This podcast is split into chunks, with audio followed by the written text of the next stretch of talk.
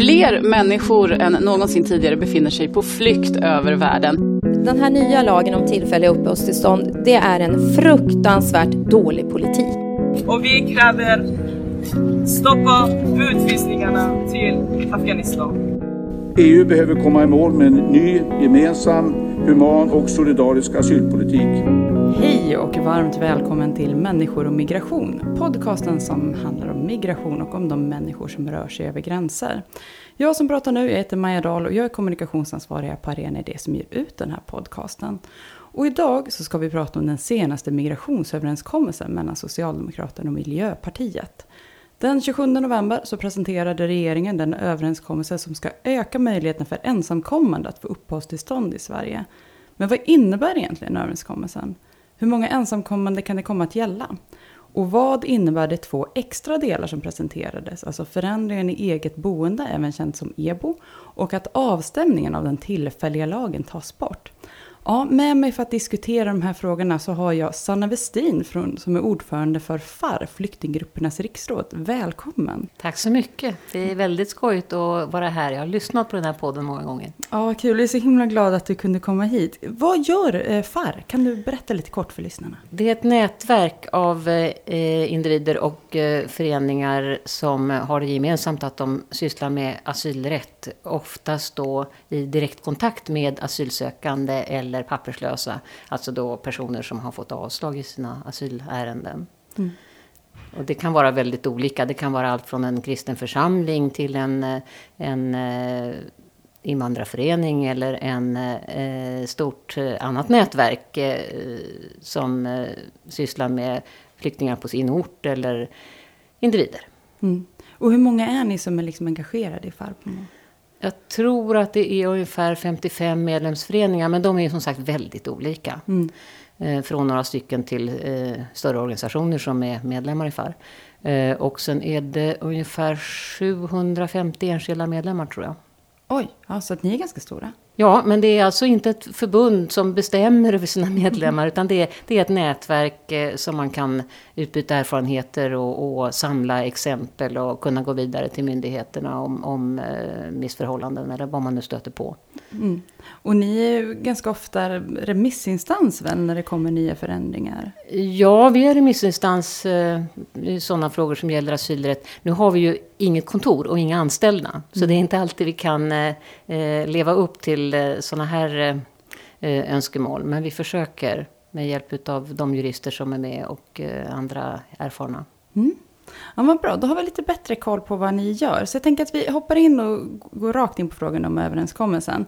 Om vi börjar liksom med den första delen av den överenskommelse som presenterades nu den 27 november. Och den som berör ensamkommande. Hur skulle du sammanfatta vad den består av? Ja, det är ju ett försök att så att säga rädda en del av de ensamkommande ungdomar som har behandlats illa i asylproceduren.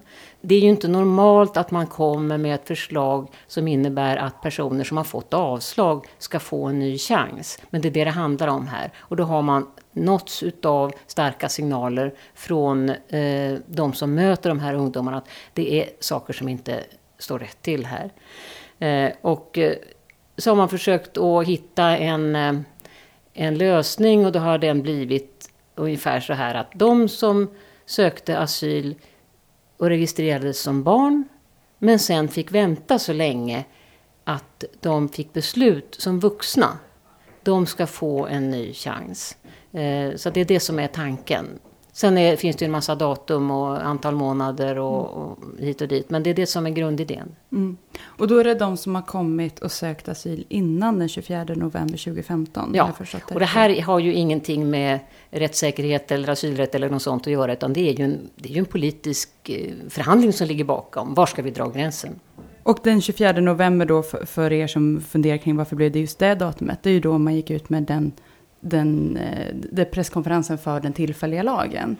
Ja, det, det är det datumet och det har ju då spökat genom den tillfälliga lagen och eh, eh, de tillägg som har kommit till den tillfälliga lagen. Och då blir det ju lite så här, så, så som jag kan se det från, från, mitt perspektiv så blir det lite knepigt. Det blir ett datum som känns ganska konstigt. Den 24 november, de som kom den 25 november, eller de som registrerades handlar det ju om. De här Ja, personerna precis. kanske kommer tidigare? Eller Ja, hur kan det se ut? Så kan det se ut. Men nu vill jag påpeka att vi vet inte hur den här överenskommelsen kommer att sluta. Den förhandlas just nu. Okej. Och om vi säger någonting här om att de kommer att få stanna, de som kom före det datumet, de som är si och så, det blir inte säkert att det stämmer. Så att det, det, det är knepigt att gå in på de här detaljerna och säga att den och den kommer att få stanna. Eh, men eh, det här datumet, det är ju det, den dag då regeringen för två år sedan bestämde att nu ska vi ändra asylpolitiken. Nu ska vi avskräcka fler asylsökande från att komma till Sverige genom att göra det svårare att få uppehållstillstånd här. Och eh, eh då gjorde man vissa undantag för de som hade kommit före den 24 november 2015. Och det var ju då själva datumet när man aviserade det här. Det är ju bara en presskonferens, det är ju ingen lag som börjar gälla då. Utan eh, det är ju resultatet utav en förhandling inom regeringen mellan Socialdemokraterna som vill ha den här eh, förändringen och Miljöpartiet som inte vill ha den. Och nu så har man då lagt ett nytt förslag, precis som du säger, så ska det här nu förhandlas med övriga partier. Ja, precis. Ja. Och jag tänker att vi kommer komma till, till hur det kommer gå sen. Men om vi fortsätter diskutera lite grann vad det är som har föreslagits nu. Så hur många ensamkommande kan det här komma att gälla ungefär? Jag förstår att det är svårt att säga, men vad tror du? Ja, eh, på den här presskonferensen för eh, någon vecka sedan, då pratade man ju om en utgångssiffra på 8-9 tusen. Och det kan ju möjligen stämma, men eh, det är ju en utgångssiffra. Då har man räknat efter eh, hur många kom för ett visst datum, datum, hur många har fått vänta så länge som, eh, som det handlar om på sitt första beslut. Och hur många var då räknades som vuxna vid det beslutet. Eh, och då får man en viss siffra. Men sen handlar det ju också om hur många av dem har lyckats hänga kvar i gymnasiet. För att eh, det var ju också ett krav att man ska gå i gymnasiet. Det är i reglerna för uppehållstillstånd på grund av gymnasiestudier som man pet, liksom pressar in det här nya eh, förslaget. Och hur många har kunnat hänga sig kvar i Sverige överhuvudtaget? Eh, utvis, det pågår ju utvisningar och det är också många ungdomar som har lämnat Sverige efter att de har fått avslag för att försöka söka asyl i ett annat land. Mm. Så att de här svensktalande ungdomarna, de finns lite varstans i Europa. Men någonstans säger regeringen då 8-9 tusen. Ja, men det tror jag att eh, de inte sa. Det var precis det de inte Aha. gjorde på presskonferensen. utan de fick hela tiden frågan, eh, kan det vara så? Och eh, jag tror att det är så att den här siffran har förekommit som ett underlag statistiskt. Att det här är ett maxtal. Men, men det är ju egentligen ingen som vet. Mm. Du sätter upp ett, par, ett antal eh, gränser och eh, du ska ha väntat sig och så länge och så vidare. Och sen kan man räkna på hur många det teoretiskt skulle kunna omfatta. Men eh, hur många det faktiskt omfattar, det vet du inte. Eh, En sån gräns som då regeringen har satt upp eh, för vilka det då är som det här ska gälla är ju att personen ska ha väntat i 15 månader eller längre Mm. på att få sitt avslag. För att då kunna få prövas igen enligt den här eh, överenskommelsen. Varför är det just 15 månader man, man har valt? Det tycker jag att du ska fråga regeringen om. Alltså det, det är ju det är precis de här sakerna som inte egentligen har någon eh, asylrättslig innebörd. Utan det är ju en... eh, Jag tror att man stiftar lag baklänges här. Man vill rädda en viss grupp eh, och sen är det frågan om hur många ska omfattas. Och eh, eh, då är 15 månader, det blir liksom ett sätt att avgränsa att det gäller inte alla. Men, det, men eh, det finns ju ändå en juridiskt vettig tanke i det här att, att det har blivit svårare att få asyl i och med att man har fått vänta så länge att man inte längre räknas som barn. Och då måste det ju ändå vara en viss handläggningstid för att eh, det ska mm, vara någon idé att, att diskutera på det sättet. Men eh, jag har tittat lite på eh, statistiken och det är inte så helt enkelt därför att eh, det är ju så att väldigt många ensamkommande barn eh, får en, eh, sin ålder uppskriven till 18 samma dag som de får beslut. Det är eh, standard så att säga. Och eh, det gör att det är svårt att se precis just hur många ensamkommande som har fått vänta si och så länge. Eh, därför att de räknas inte som ensamkommande den dag de får beslutet. Då är de inte ensamkommande längre. Förstår du? Ja. Och eh, det här gör ju också att det ser ut i statistiken som att eh, en väldigt stor del av de ensamkommande får uppehållstillstånd. Det brukar ligga på 83, 84, 85 procent och sånt där. Men om du tittar på hur många som sökte asyl som ensamkommande eh, och hur många som sen får eh, uppehållstillstånd, då rör det sig snarare om hälften. Tittar du på den stora afghanska gruppen så är det ungefär 40 procent som får uppehållstillstånd. Mm. Eh, men eh, de har ju lång väntetid, de här ungdomarna. De, de flesta av dem, men inte alla. Och eh, om man tittar på förra året till exempel, då, då eh, var det 9-10 000 ensamkommande alltså fortfarande ensamkommande, räknade som ensamkommande som fick beslut. De hade väntat i genomsnitt eh, eh 353 dagar. Vid årsskiftet mellan 2016 och i år, då var det fortfarande fanns det 18 000 öppna ärenden ensamkommande barn. Och då var det ju sån, eftersom man normalt skrivs upp i ålder i samband med beslutet så finns det ju sådana som kommer att få beslut som vuxna där. Mm. Eh, och 92 procent av dem hade en handläggningstid på mer än ett år. Jag har inte siffror på hur många som hade 15 månader.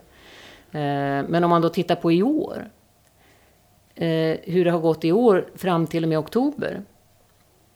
Då har vi bara 6 000 ensamkommande som fått beslut.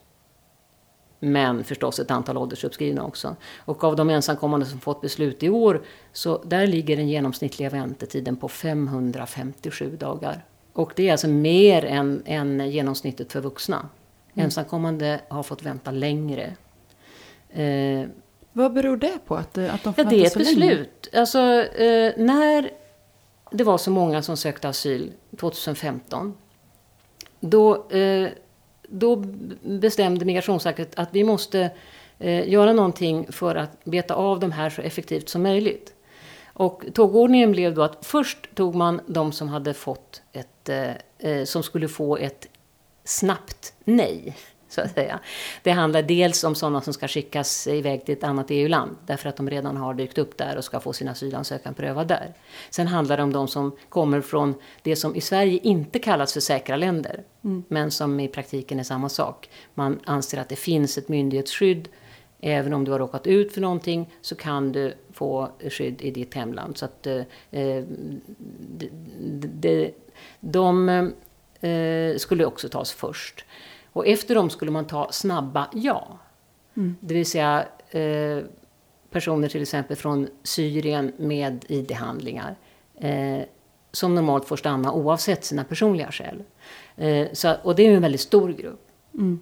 Och sen skulle man börja beta av eh, de som skulle beräknas ha lite längre ärenden. Eh, som till exempel de från eh, Afghanistan då. Och de ensamkommande eh, dels hör de till den här gruppen generellt, eh, att deras ärenden inte är så enkla. Dels så är väldigt många från Afghanistan.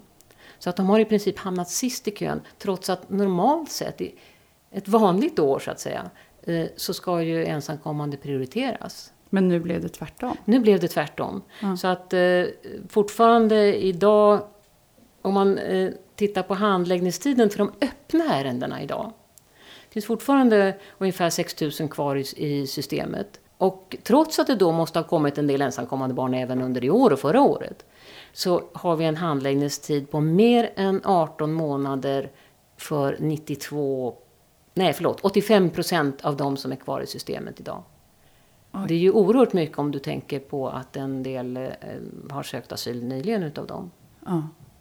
Eh, men men ja. sen är det ju såklart så att eh, om man tittar på de som, in, som inte har 15 månader så är det ju förstås ehm, till exempel de som började få sina ansökningar prövade redan förra hösten. Det är, anta, det är ändå några tusen. Och i den gruppen finns det flera, ja, nästan 3000 ungdomar som fick sin ålder uppskriven, oftast i samband med beslutet, utan någon medicinsk åldersbedömning överhuvudtaget. Och i de flesta fall som vi har kunnat se, vi har granskat många av de här besluten, så är det, eh, man har helt enkelt använt en vuxenpresumtion. Det, det finns i många av besluten överhuvudtaget ingen motivering varför åldern ska skrivas upp.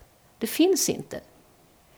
Och, utan, eh, och även om beslutet innehåller en rad intyg från eh, olika personer som har träffat ungdomen, ID-handlingar från hemlandet som inte anses vara eh, tillförlitliga då, därför att hemlandet klarar inte av att producera tillförlitliga handlingar. Eh, skolbetyg, vad det nu kan vara, ungdomens egen berättelse om, om eh, skolgång och andra saker som kan eh, visa åldern. Och med, även om allt det här pekar på att vi har att göra med ett barn så kan beslutet bli att eh, du är vuxen därför att du har inte bevisat. Du har ingenting av det här bevis. Eh, så att det här har varit en mycket, mycket rättsosäker eh, process. Som mm. kanske kommer att granskas av några journalister om tio år, jag vet inte. Mm. Men, men eh, tyvärr är det väl så att eh, just eh, den gruppen som inte bedömdes på, på något som helst vetenskapligt sätt, eh, de kan nog i många fall inte omfattas om det skulle bli 15 månader som är gränsen. Mm. Jag, jag, tänkte ändå att nu var du inne på det här med åldersbedömningar. Jag tänkte mm. att vi ska prata lite mer om det. Eh, för den här överenskommelsen gäller ju eh, de som är registrerat som barn vid an ankomst, det vill säga de som har då räknats att vara under 18 år. Och då blir ju frågan om åldersbedömningar väldigt viktig. Ja, blir... men, ja jo, men alltså eh, jag skulle säga tvärtom egentligen. Alltså, poängen med det här förslaget är ändå att rädda personer som har skrivits upp i, i ålder.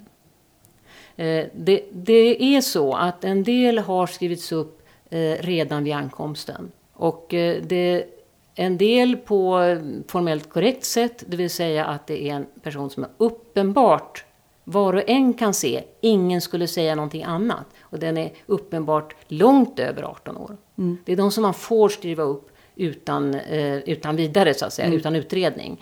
Eh, men det skedde också en del eh, eh rutinmässiga uppskrivningar som inte hade fog för sig. Och eh, jag ska säga till Migrationsverkets fördel att eh, man försökte att hejda det här. För det, det, är inte, de tyckte inte heller att det är så det ska gå till.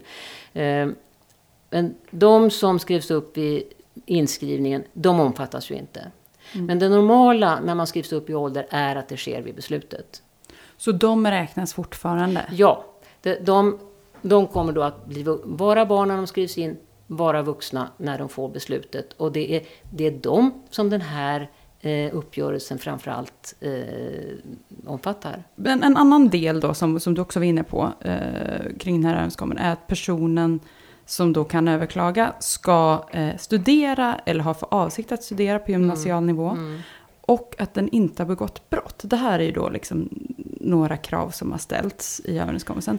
Varför har man de här, just de här kraven? Och tänk, vad tänker ni på FAR kring dem? Ja, alltså det här hänger ju ihop med att man gör det här som en del utav den tillfälliga lagen och inom det en del utav gymnasiereglerna som har lagts till den tillfälliga lagen. Mm. Eh, och eh, den eh, tillfälliga begränsningslagen går ju ut i princip på att ingen ska få permanenta uppehållstillstånd. Alla ska bara få tidsbegränsade uppehållstillstånd. Med ett undantag, nämligen om du när du kommer fram till att förlänga ditt uppehållstillstånd har lyckats få ett permanent arbete. Då ska du också kunna få permanent uppehållstillstånd. Mm. Och eh, det här, eh, när eh, lagen först föreslogs då påpekade ju förstås många att ja, men det här kommer innebära att alla de här ensamkommande ungdomarna och andra barn också kommer att hoppa av skolan och försöka skaffa sig ett jobb. Och därför så uteslöts de som inte fyllt 25 från den här möjligheten. Och så lovade regeringen att återkomma med en möjlighet för ungdomar att eh, om de går, går ut gymnasiet, då kan de få uppehållstillstånd så länge de går i gymnasiet och så kan de få sex månader på sig för att skaffa jobb och sen kan de få permanent uppehållstillstånd om de lyckas skaffa jobb. Mm. Så det är det här som är de här gymnasiereglerna eh, som har tillförts i, i efterhand. Och det, och det är ju också det är liksom en del i det här tänket eh, som eh, jag och Farr och många andra tycker är väldigt obehagligt egentligen att det är anställningsbarhet som avgör om du ska få permanent skydd i Sverige, inte ditt skyddsbehov. Mm. Eh, och eh, i och med att det här eh, nya förslaget är utformat som en del i det här paketet. Eh, eh, det är helt enkelt gjort som ett sätt att få in ytterligare en grupp i gymnasiereglerna så blir det ju en del utav samma, eh, samma bedömning. Är du nyttig, så att säga? Eh, och det, det, det, är ju... Men jag tycker att det här är ju en del i en... Egentligen så är ju förslaget inte till för att förstärka den delen, utan förslaget kommer till därför att eh, ungdomar har drabbats av en massa regler och kommit i kläm. Det är handläggningstiden i sig som vi har pratat om. Men sen är det ju också eh, att de har fått tillfälliga tillstånd som, eller, eh, som eh, kommer att rivas upp när de fyller 18, en del utav dem. Eh, det är de här åldersuppskrivningarna. Det är utvisningarna till Afghanistan som kanske inte alls borde ske av, av, av många olika skäl och där, som de här ungdomarna verkligen är livrädda för. Eh, men också saker som har med det mottagandet att göra. De här som har skrivits upp i ålder och de som fyller 18 på vanligt sätt så att säga. Eh, de har ju eh, numera, från och med eh, hösten 2016 för de flesta, inte fått bo kvar i ungdomsboende. Samtidigt blir de ju av med sin god man. Mm. Och hänvisas då, då av Migrationsverket till ett annat boende så är det normalt på en annan ort. Då har de förlorat sin skolgång. De har förlorat hela sitt nätverk. Eh, och de, många vet ju, fattar ju inte vad som händer överhuvudtaget. Det här är ett besked som du kan få på en dags varsel, tre dagars varsel, i bästa fall en veckas varsel. Eh, och samtidigt har du kanske då ett utvisningsbeslut. Du har rätt att överklaga. Numera efter att eh, lagarna har justerats så har du också rätt att eh, fortsätta ett gymnasieprogram. Mm. Eh, om du lyckas ta dig in i en skola, om du lyckas övertyga en skola om att ja, men, eh, det här är min, min rätt. Du har inte rätt att komma in på ett nationellt program om du bara gått på ett, eh, eh, ett introduktionsprogram innan. Så att det är en massa saker som eh, gör att de här ungdomarna har Eh, de har väntat och väntat och väntat. Och samtidigt har de sett sina kamrater bara försvinna i, i tomma intet så att säga. Mm. Eh, förflyttats, gripits eller, eller bara skickats till en annan ort. Ingen vet när drabbar det här mig. Alltså de här ungdomarna har mått förfärligt dåligt på väldigt goda grunder. Och eh, det har ju gjort att det har blivit en stor rörelse omkring dem. Därför att lärare, gode män, eh, andra som möter ungdomarna, eh, de är ju helt förfärade över att det är så de behandlas. Det är inte så vi har behandlat ensamkommande barn tidigare. De har haft ett väldigt bra mottagande i Sverige, särskilt i jämförelse med andra länder. Mm. Och det är därför de har kommit hit. Alltså, det finns ju en massa problem inom eh, asylproceduren och hur man bedömer asylskäl som har drabbat de här ungdomarna. Och det är ju egentligen det viktigaste. Men det går ju inte regeringen in på. Och det går ju inte så fort att göra heller. Det, det, är inte så lätt. Regeringen har inte ens rätt att säga att vi ska sluta skicka till Afghanistan. För det, det är inte deras bedömning. Och de andra sakerna, det kanske kräver långa utredningar. Utan istället så gör man då att, ja men, vi hittar en lösning. Vi skulle kunna klämma in dem i gymnasiereglerna.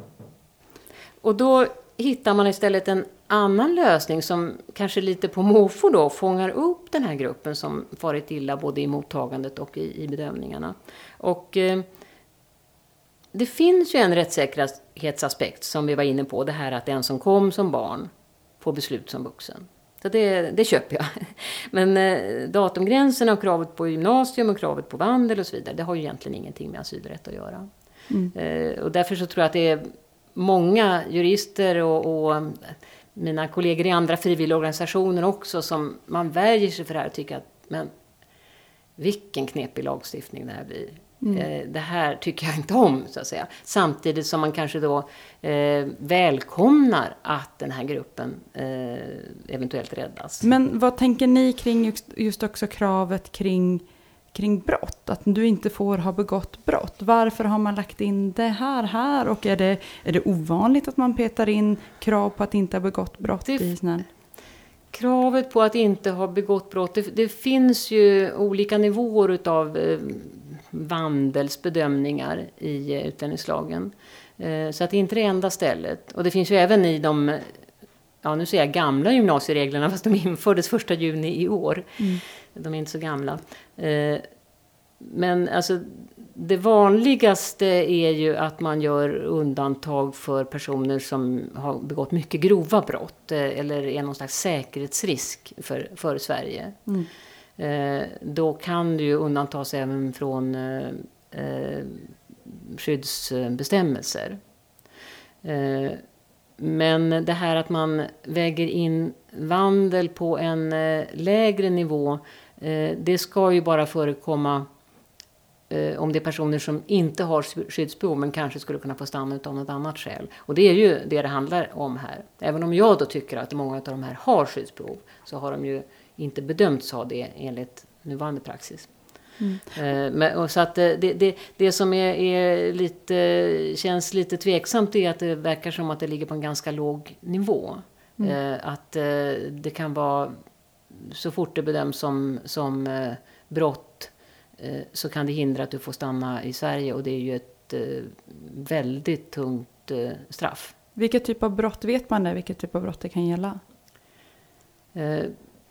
Jag vågar inte säga det. Ehm, därför att jag har inte sett så många konkreta mm. exempel. Mm. Bara konstatera på formuleringen att, att det inte... Det, jag utgår ifrån att eh, det måste röra sig om eh, eh, brott man är dömd för, inte bara brott som man är misstänkt för. Det står också i eh, de gamla gymnasiereglerna om eh, annan misskötsamhet. Eh, men eh, där förutsätter jag också att det, det, kan inte vara enbart det utan det ska vara brott och annan misskötsamhet. Annars så är vi ju ute på väldigt farliga vatten. En annan del då i den här överenskommelsen som då presenterades här den 27 november var ju att man pratade om att eh, riva upp EBO. Mm. Eh, vad, vad tänker ni kring att det presenterades i, i, dels i det här formatet men också att man vill riva upp EBO? Ja, men det är ju också en förhandlingsuppgörelse helt enkelt. Mm. Miljöpartiet driver på om att eh, rädda de här ungdomarna och eh, till slut så får de ju då eh, släppa på någonting annat som de inte gillade. Eh, och det är ju dels detta med ebolagen och dels eh, eh frågan om eh, utvärdering av den tillfälliga lagen. Mm. När det gäller EBO, eh, där har ju kravet varit väldigt starkt från eh, kommuner där många bor på det sättet. Då ska vi tala om att EBO är alltså eget boende, att du som asylsökande själv väljer att bo någon annanstans än i Migrationsverkets anläggningsboenden. Och eh, då blir det ofta hos eh, eh, släktingar eller vänner. Och det blir ofta väldigt trångt. Och det blir svårt för barnen att klara skolan. Alla möjliga saker som gör att de kommuner där det här är vanligt har länge protesterat mot att man har den här möjligheten. Och om jag har fattat regeringen rätt här finns ju väldigt lite detaljerat än så länge, så är det man vill åstadkomma det att det ska ställas någon slags kvalitetskrav för att man ska få eh, välja eget boende. Mm. Det som vi tycker är problematiskt med det här, det är att det är inte så att man väljer mellan att eh, eh bo i, eh, med väldigt gott om utrymme och eh, bra möjligheter för barnen och så vidare i ett anläggningsboende, eller att bo mycket trångt med sina släktingar. Alltså anläggningsboendena, där har vi, det finns en slags eh, eh, gräns för de som, eh, eh, när man upphandlar anläggningsboenden, att det ska vara fem kvadratmeter per person. Mm. Ja, du tittar, tittar, du tittar, tittar omkring, vad är fem kvadratmeter? ja. alltså, eh, det är inte stora lägenheter vi pratar Nej. om, men vi pratar ofta om eh, Alltså är man ensam vuxen då får man ju självklart dela rum med andra, det är normalt. Eh, eh, och det kan ju vara folk som du överhuvudtaget inte känner eller delar språk med. Eller i värsta fall delar språk med och kommer från olika grupper som du eh, kanske inte eh, är överens med så mycket. Eh, familjer kan få dela rum och så vidare, eller dela lägenhet menar jag. Medan, eh, så att vad du väljer mellan, det är ju ett mycket trångt boende på anläggning eller ett mycket trångt boende tillsammans med dina släktingar. Och det är inte så konstigt att många försöker välja det. Ett annat problem finns ju i att eh, du gör ofta ett val. Rent statistiskt sett så gör man ju ett val mellan eh, möjlighet att få boende efter att du fått uppehållstillstånd förhoppningsvis. Och möjligheten att få jobb. Bostäderna finns inte på samma orter som jobben i stor utsträckning. Så är det ju för svenskar också. Mm. Eh, och eh, eh när eh, Boverket gjorde en undersökning på det där för eh, ett par år sedan. Då visade det sig att de som hade valt EBO, de jobbade ju i större utsträckning. Det var ju inte så konstigt, de hade kontakter och, och de bodde där det fanns jobb. Så att vi skulle ju önska helt enkelt att om, om vi ställer högre krav på eget boende så ja, men ställ högre krav på anläggningsboende åtminstone också. Mm. Den andra delen som du också var inne på var ju att avstämningen av den tillfälliga lagen nu tas bort. Eh, enligt den här överenskommelsen. Eh, när det gäller då den här tillfälliga lagen så skulle ju den då utvärderats nästa år. Och jag vet att ganska många personer som jobbar till exempel inom asylrättsrörelsen pratade om att det här var ett möj, möjligt tillfälle till opinionsbilda mot lagen så att inte den här lagen blir en permanent lag. Mm. Eh, hur, hur, ser ni på att liksom utvärderingen tas bort?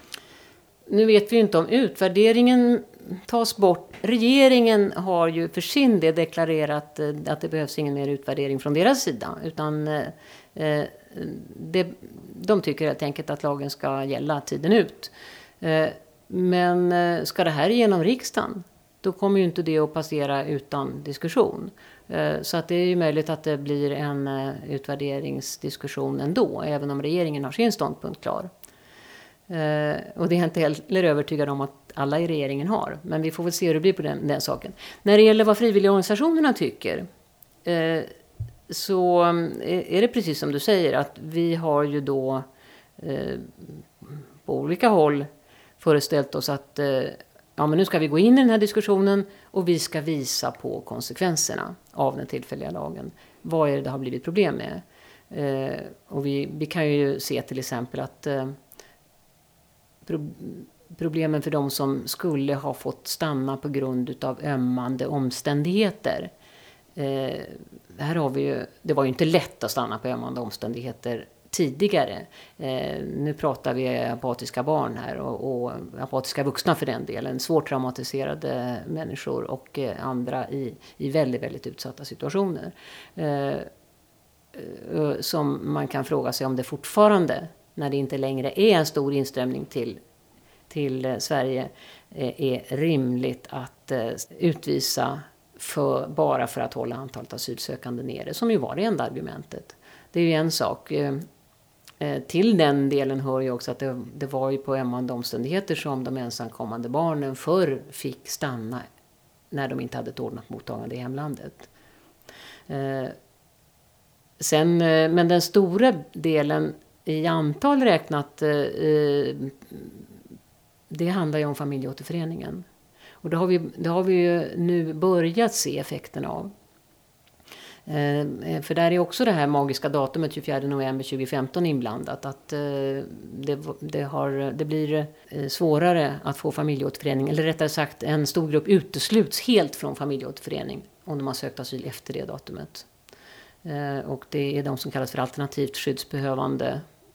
Eh, och eh, ja, i dagligt tal krigsflyktingar, de flesta av dem. Om du flyr från ett krig, inte skickas tillbaka dit, men inte har ett individuellt skäl ovanpå det. Mm. Eh, då definieras du som alternativt skyddsbehövande. Om du då har dina barn kvar i kriget eller hängande i ett eh, flyktingläger i landet intill, då ska du inte få återförenas. Det är vad lagen innebär. Eh, sen finns det ju också ett antal saker som gäller kraven för att få återförenas om du formellt har rätten. Där ehm, eh, försörjningskravet ligger extremt högt. Eh, det, det, det, är ju nästan orimligt att uppnå om du har eh, till exempel tre barn. Eh, det funkar liksom inte. Eh, och, och de här exemplen börjar ju komma nu. Det är förfärligt när man får, vi får ju mejl från folk som är inne i den här processen, från ut, både från utlandet och från Sverige, och som har fått avslag och bara är helt chockad. Det kan inte vara sant. Det kan inte vara sant. Jag har inte träffat min tioåring på tre år. Mm. Och nu får jag ett beslut att min lön räcker inte. Ja, men är det bättre för henne att vara kvar där? Eh, vad är meningen? Vad ska jag göra? Vad ska jag göra nu? Kan du hjälpa mig? Mm. Det, det, här är, eh, det är liksom en lång rad tragedier som, som kommer att utspela sig här framför oss. Och eh, konsekvenserna utav den regleringen, det måste komma fram. Och det kommer att komma fram från oss som möter de här personerna och från de här personerna själva, antingen regeringen vill eller inte. Ehm, vi hade mellan olika organisationer talat om att göra konsekvenssamlingar, skuggrapport kanske till den här utvärderingen och så. Och det, det, kan, det är ju inget som hindrar att det görs även om regeringen inte gör det. Mm. Jag tänker på också liksom medias uppmärksamhet. Ofta så krävs det ju också att, att politiker är där och rycker i frågan för att media ska, ska skriva mm. då om era skuggutredningar. Att det är skuggutredning ja, till en utredning. Mm. Eh, förlorar man liksom momentum att kunna få, få den uppmärksamheten utanför de egna leden? Eh, så kan det absolut vara. Men det, och det här är ju det är på gott och ont. Därför att vi har samtidigt en valrörelse. Mm. Förr i tiden, alltså jag har hållit på med det här länge, och eh, jag brukade glädja mig åt att jag bor i alla fall i ett land där politikerna tävlar om att verka humana. Även om jag hade väldigt mycket invändningar mot asylproceduren som den var även på den tiden. Eh, om jag jämförde med, med andra länder där eh, politiker eh, tävlade om att vara så hårda som möjligt och kalla asylsökande för alla möjliga tillmälen och så vidare så tänkte jag att puff, det har vi i alla fall inte här. Men nu är vi där. Mm. Om eh, jag försöker ställa, en, ställa politikerna till svars med en fråga eh, om asylrätt så är det ju väldigt stor risk för att jag kommer att få svar där politikern försöker utlova sina väljare att eh, hen minsann är hård mot asylsökande och ingenting annat. Eh, så att eh, det här har ju gjort det svårare, men jag tror att det är desto viktigare att vi kommer fram med konsekvenserna utav eh, lagstiftningen. För samtidigt så tror jag att eh, väljarna eller liksom allmänheten, precis som när det gäller de ensamkommande barnen, när man möter eh, vad de här reglerna betyder i praktiken så kan man ändå förstå att nej men, det här är orimligt. Det var inte det jag ville. Jag ville att Sverige skulle inte slippa, släppa in all världens flyktingar just i Sverige. Men jag ville inte att Sverige skulle hindra Jara tio år från att träffa sin mamma. För forever. Det ville mm. jag inte. Du var inne på det nu, du har jobbat länge med de här frågorna. Det är valår nästa år. Mm. Eh, historiskt sett så har migrationsfrågorna inte fått jättestort utrymme i valdebatten. Eh, och nu med den här överenskommelsen, så vi pratat om att den kommer inte utvärderas nästa år. Den skulle då utvärderats under våren. Mm. Och alltså kunna gått in som en valfråga. Hur tror du liksom att det här påverkar migrationsfrågornas utrymme inför valrörelsen? Jag vet inte om jag håller med om bedömningen att migrationsfrågorna var oviktiga till exempel förra valet. De stod där i centrum. Men eh, det är ju snarare så att de har stått i centrum för partipolitiken eh, på ett destruktivt sätt de senaste åren. Och, och ur den eh, aspekten kan man ju trösta sig med att det, man kanske slipper, slipper det en, en period. Samtidigt så behövs det ju politiska beslut för att för att förbättra situationen för asylsökande. Och det är också väldigt viktigt att eh, få den diskussionen till stånd därför att vi har samtidigt diskussionen inom, i, mellan EU-länderna. Eh, och EU-kommissionen har lagt eh, på bordet en rad förslag som skulle försämra situationen för asylsökande det är lite samma tänk som den tillfälliga lagen i Sverige. Att dels hin, förhindra människor att nå överhuvudtaget, eh, ser ni citattecknen ovanför mig nu, oss, mm. nå oss för att söka asyl. Eh, och samtidigt eh, minska möjligheterna till eh, uppehållstillstånd och eh, att de inte ska vara permanenta för asylsökande. Eh, så det är flera saker som återkommer. Och om de här förslagen går igenom då har vi väldigt små möjligheter att eh, bli av med den tillfälliga lagen eller innebörden av den tillfälliga lagen. Mm. Så att det, det gör det ju ännu viktigare att få föra fram konsekvenserna, få politikerna att inse och hålla med om att det här är inte okej okay, och att driva den linjen inom EU. Mm. Som Sverige gör i vissa avseenden. Absolut. Eh, det börjar bli dags liksom här att runda av. Vi har ju, det vi har diskuterat hittills kring den här överenskommelsen är ju att det är, ett, det är faktiskt ett förslag som har lagts. Mm. Och det måste ju nu godkännas av riksdagen. Och om jag då räknar lite grann på hur det ser ut med mandatfördelningen, så den, om vi nu säger att S och MP har lagt den här, det här förslaget gemensamt, det är 137 mandat. Eh, om vi då räknar bort den bilden eh, som, som MP numera har. Det gör ju att man behöver 38 röster till för att få igenom förslaget. Tror du att det är möjligt? Får man med sig 38 röster till i riksdagen? Det krävs minst två andra partier för att Moderaterna lär väl inte gå med. Nej.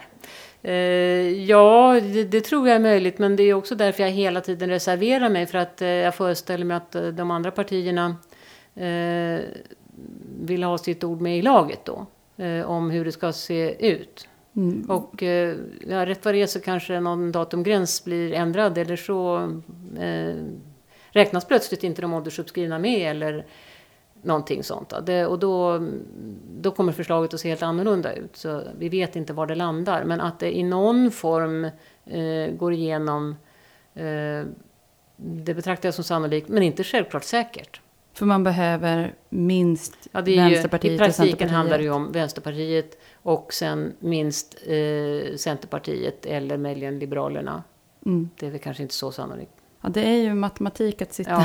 och ja, det, på. Det, det är det. Ja. Vad bra, men finns det någon sista grej som du skulle vilja att lyssnarna tar med sig när man tänker på den här överenskommelsen? Hur man ser den, hur, hur den kan tolkas? Mm. Jo, själva historiken skulle jag vilja ta upp. Eh, vi pratade ju förut om att när regeringen bestämde om den tillfälliga lagen, då hade man efter förhandling kommit fram till att ja, men vi ska rädda de barn som ansökte före ett visst datum, nämligen 24 november 2015. De ska inte omfattas av den tillfälliga lagen, de undantas. Och därmed kan de fortfarande få permanenta tillstånd alltså. Eh, och på den tiden, då brukade ju de allra flesta ensamkommande barn få uppehållstillstånd, även om det bara var för att eh, föräldrarna inte kunde återfinnas eller någonting sånt. Eh, men vad som sedan händer, det är att Migrationsverket inför en ny praxis som innebär att ungdomar eh, som skulle få stanna på grund av att de inte har ordnat mottagande, de ska kunna få tidsbegränsade uppehållstillstånd fram till de fyller 18. Och det här är ju... då får de ju tidsbegränsade uppehållstillstånd i alla fall. Mm. Oavsett vilket datum de ansökte. Och även i framtiden efter den tillfälliga lagen förresten, om den här praxis skulle behållas. Ja, det, det undergräver ju den eh, uppgörelse som regeringen har. Och då kommer man istället med det här tillägget till gymnasiereglerna. Ja, men just den här gruppen, de kan ändå få längre uppehållstillstånd om de går i gymnasiet. Och så har man liksom räddat dem, kan man mm. säga. Och vad händer då? Jo, när Migrationsverket väl börjar fatta beslut eh, om de här ungdomarna, då får de inte de här tillfälliga uppehållstillstånden som det står i praxis att de ska få. Istället skrivs de upp i ålder. Och jag har tittat lite på statistiken där och om du tittar från augusti till och med december 2016, då har vi 139 ungdomar som eh, får de här tillfälliga uppehållstillstånden, inräknat de som får ett utvisningsbeslut med uppskjuten verkställighet. Det är inte särskilt många. Samtidigt 2700 skrivs upp i ålder. Eh, och blir 18 på beslutsdagen. Eh, alltså 16-17-åringarna bara försvann. Mm. Plötsligt så var man antingen 15 eller 18. Eh, och ja, då undergrävs det här igen. Därför att det här har ju lett till att det är väldigt, väldigt få som omfattas utav den här delen av gymnasiereglerna.